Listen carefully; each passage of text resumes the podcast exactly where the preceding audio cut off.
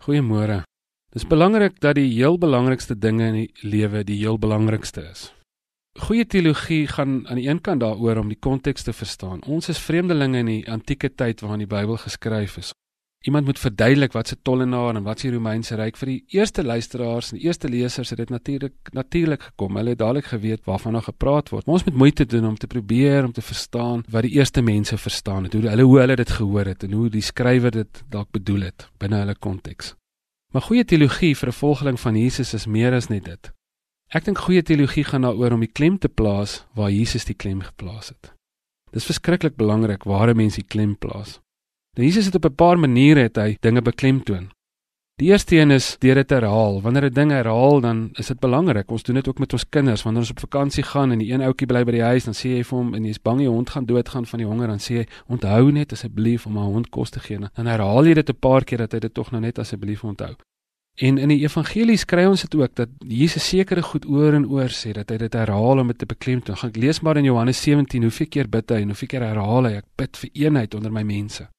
In uh, Matteus 9 sê Jesus 'n ding en dan sê dit weer in Matteus 12. Hy sê gaan leer wat dit beteken. Ek verwag barmhartigheid in die offers nie. Die feit dat dit herhaal wys vir ons daar moet klem op hierdie ding geplaas word. Hierdie is 'n belangrike ding.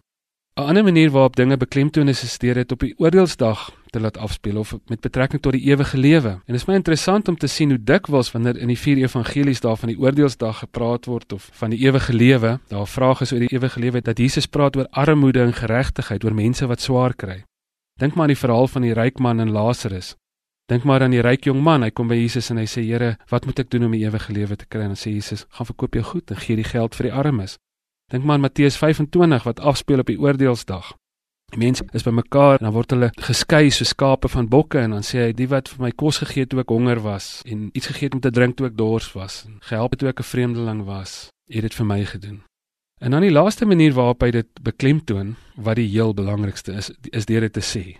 Deur te sê hierdie is nou die heel belangrikste. Ons sien dit in die samevatting van die wet.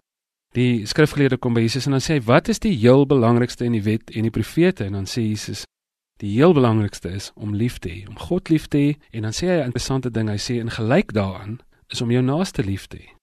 En dan vertel hy in Lukas die verhaal van die barmhartige Samaritaan om te verduidelik vir hierdie Jode wat hulle wet eintlik beteken en dan gebruik hy Samaritaan as die held. Paulus sê al het ons alles. Alles is baie godsdienstig, maar ons het nie liefde nie, is ons niks. Daar's hierdie mooi vers in Galasiërs 5 vers 14 waar hy vir ons duidelik uitspel wat die heel belangrikste is. Hy sê die hele wet word in hierdie een gebod saamgevat. Jy moet jou naaste lief hê soos jouself. Gaan lees dit bietjie daar in Galasiërs 5 vers 14. So dis belangrik dat die heel belangrikste ding belangrik moet moet wees, dat die heel belangrikste ding die heel belangrikste moet wees. As jy hom net so bietjie minder belangrik maak, dan trek alles skeef. Wanneer ons godsdienstig is en ons het nie lief nie, is ons godsdienst nie net leeg nie, maar dan word ons godsdienstigheid wreed. En die Here wil hê dat liefde moet wen by sy kinders. Kom ons bid saam. Here, dankie dat U vir ons lief is en help ons om daai liefde nie net vir onsself te vat nie, om dit nie te relativeer deur selfsugtig daarmee te wil omgaan nie. Maar gee dat u genade deur ons sal vloei na hierdie wêreld toe. In Jesus Christus se naam. Amen.